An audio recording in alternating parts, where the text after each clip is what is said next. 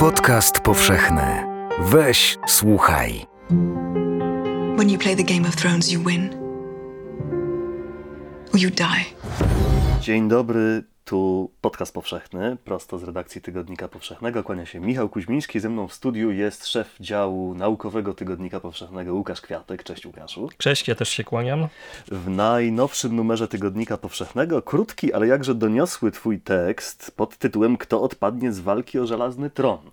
Premiera y, ósmego finałowego y, sezonu serialu Gra o Tron już niebawem, już w kwietniu, a ty tymczasem zaczynasz całkiem poważnie spoilować.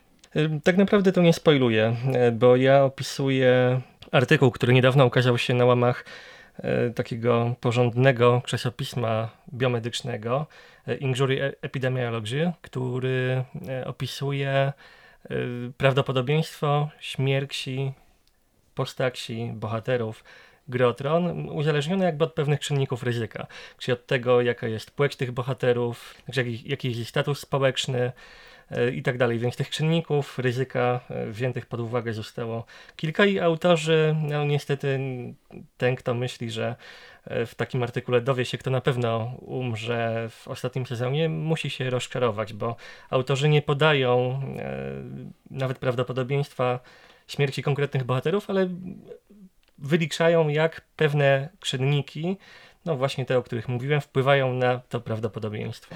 Y, ryzyko urazu, i to, i to dość brutalnego urazu w serialu y, Gra o Tron, jest chyba nawet y, znacznie większe niż w tak zwanym prawdziwym średniowieczu. Wydaje się, według danych przywoływanych przez autorów tego artykułu, że średniowiecze to kaszka z mleczkiem w porównaniu z Grą o Tron.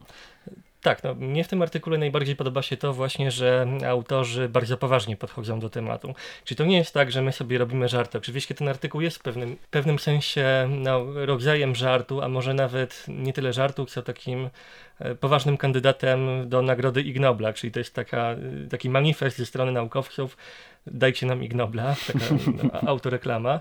E, natomiast e, rzeczywiście oni przytakszają na początku dane naukowe, które pokazują, że w średniowieczu e, bodajże 40 osób na 100 tysięcy tak ginęło w sposób gwałtowny, czy ginęło śmiercią związaną z działaniem przemocowym.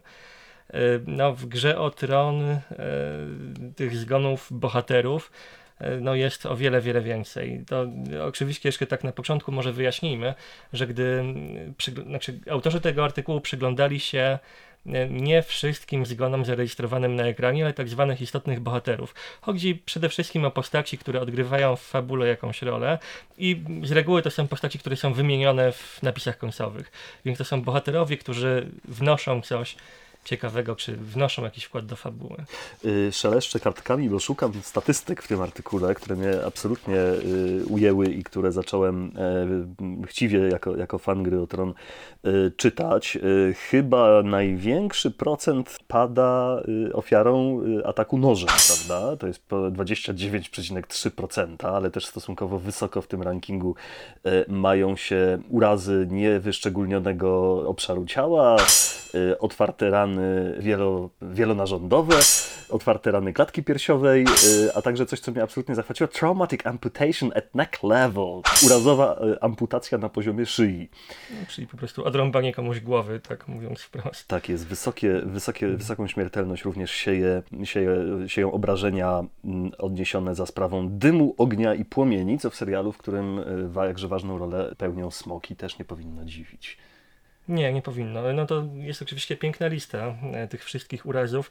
E, to jest, e, jest pewna zabawna notka w tym artykule, bo widzimy no, po tej liście, no, która obejmuje dziesiątki przyczyn śmierci, przyczyn urazów, widzimy, że autorzy musieli tego tekstu musieli naprawdę dokładnie Grotron obejrzeć i oni zaznaczają w tym tekście, że jednym z celów tego artykułu było znalezienie wymówki po to, żeby obejrzeć sobie wszystkie poprzednie sezony Gry o Tron przed właśnie wielkim finałem, który nastąpi, jak mówiłeś, w kwietniu. Czy ty y, pisząc ten artykuł też odświeżyłeś sobie serial?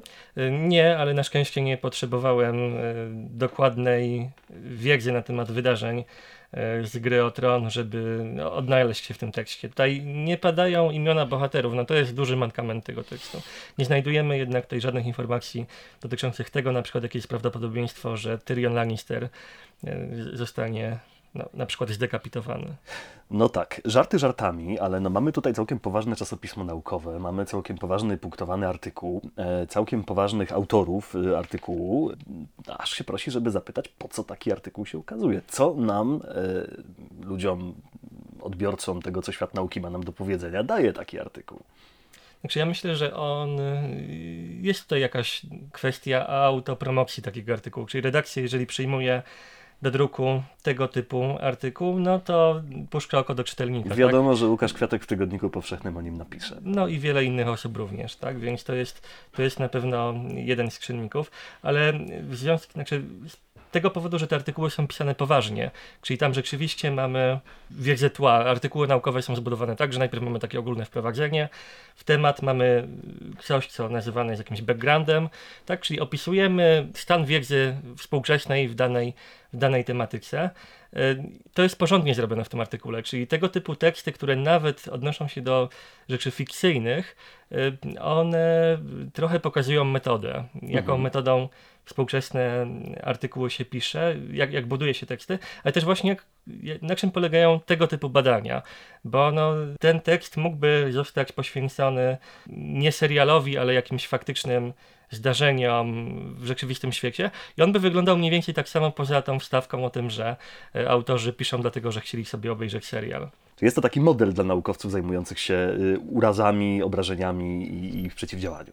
No trochę tak, bo inne artykuły w tym czasopiśmie wyglądają bardzo podobnie, są podobnie skonstruowane. Też mamy właśnie tą y, współczesną wiedzę, mamy te same metody, podobne, podobne pomiary są stosowane i tak dalej, więc no to pokazuje jakby siłę tej metody, tego Mhm. typu tekst. Łukaszu, zajmujesz się w swojej pracy naukowej pograniczem pomiędzy człowiekiem jako bytem biologicznym, człowiekiem jako bytem myślącym, tym, gdzie zaczyna się nasza, nasz rozum, nasze, nasza świadomość siebie. Yy, muszę Cię zapytać, co takiego powoduje, że chcemy oglądać takie sceny przemocy, chcemy oglądać taki serial jak Gra o Tron, chcemy yy, patrzeć na, na, na te wszystkie potworności, z których tu przed chwilą się podśmiech, podśmiechiwaliśmy. Znaczy, głębokiej odpowiedzi chyba nie jestem w stanie udzielić, natomiast no, ja myślę, że przede wszystkim to są dobrze zrobione seriale i gdyby to było, y, znaczy istnieje wiele filmów, wiele produkcji, które są źle zrobione, w których te sceny są fatalne i ni- nikt ich nie ogląda, więc to nie jest chyba tylko tak, że my się fascynujemy przemocą i chcemy ją oglądać. Jeżeli ona jest naprawdę dobrze zrealizowana, to no, ma to jakiś wymiar estetyczny, więc y, to się dobrze, brutalnie mówiąc, to się dobrze ogląda. No, Chyba nie, tylko dla samej, nie tylko dla samej przemocy. Natomiast no, przemoc jest jakby jednym z elementów ciekawej opowieści, no, która, tutaj, która tutaj porywa. Ale to chyba nie jest tak, że my jako gatunek potrzebujemy. No były oczywiście takie, takie pomysły, psycholodzy ewolucyjni pewnie mogliby, e, a może psychoanalitycy mogliby coś takiego powiedzieć, że e, musimy jakoś uzewnętrzniać nasze tej wewnętrzne, spiętrzone popędy, które mm, inaczej rozsadziłyby nas od środka, ale takie teorie wręcz hydrauliczne, bo tak to się czasami określało, Mhm. hydrauliczne teorie też ludzkiej przemocy, one są już chyba odrzucone, więc to nikt, nikt raczej nie powiedziałby współcześnie, że próbujemy sobie coś zastąpić. Mamy jakąś taką protezę, którą się posługujemy, e, no a nie dzięki temu sami nie stosujemy przemocy w życiu codziennym. Ja myślę, że to jest rozrywka i e, ta przemoc jest jakby no, jednym z elementów fabuły, który nas wciąga. We wnioskach y, tej pracy czytam, że y, w świecie gry o tron jest ogromny potencjał, i to jest zupełnie poważnie napisane, przeciwdziałania gwałtownej śmierci, stabilne rządy demokratyczne, y, sprawnie działające instytucje, które dostarczają dóbr publicznych i implementacja opartej na dowodach polityk prewencji przemocy mogłaby obniżyć ryzyko wystąpienia gwałtownej śmierci w sposób znaczny, tak piszą naukowcy. Czy rzeczywiście rządy demokratyczne mają szansę się przyjąć w świecie gry o tron w ósmym sezonie? Nie wiem, aż tak dobrze y, nie siedzę w tym świecie przedstawionym właśnie w tej, w tej sadze.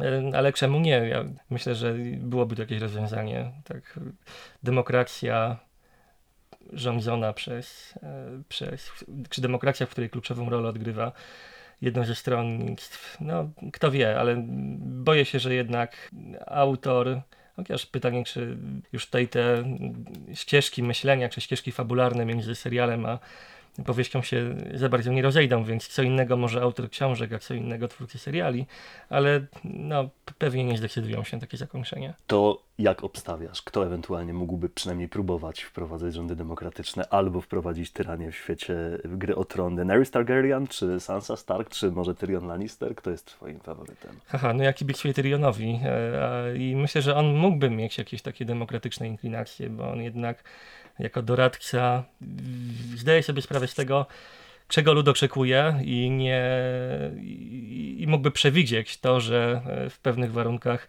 takie demokratyczne instytucje mogłyby zadziałać, a reszta to są chyba jednak tyranii. Fala Mogules. Zanim ósmy sezon nadejdzie, zapraszam Państwa do najnowszego Tygodnika Powszechnego, gdzie przeczytają Państwo o badaniach z najnowszego Engineering Epidemiology y, na temat śmiertelności w świecie gry o tron. Autorem tego artykułu jest Łukasz Kwiatek, który był gościem studia podcastu powszechnego. Dziękuję Ci, Łukaszu. Dziękuję również. I zapraszamy na łamy działu naukowego Tygodnika Powszechnego. There is only one war that matters. And it is here. Podcast powszechny. Weź, słuchaj.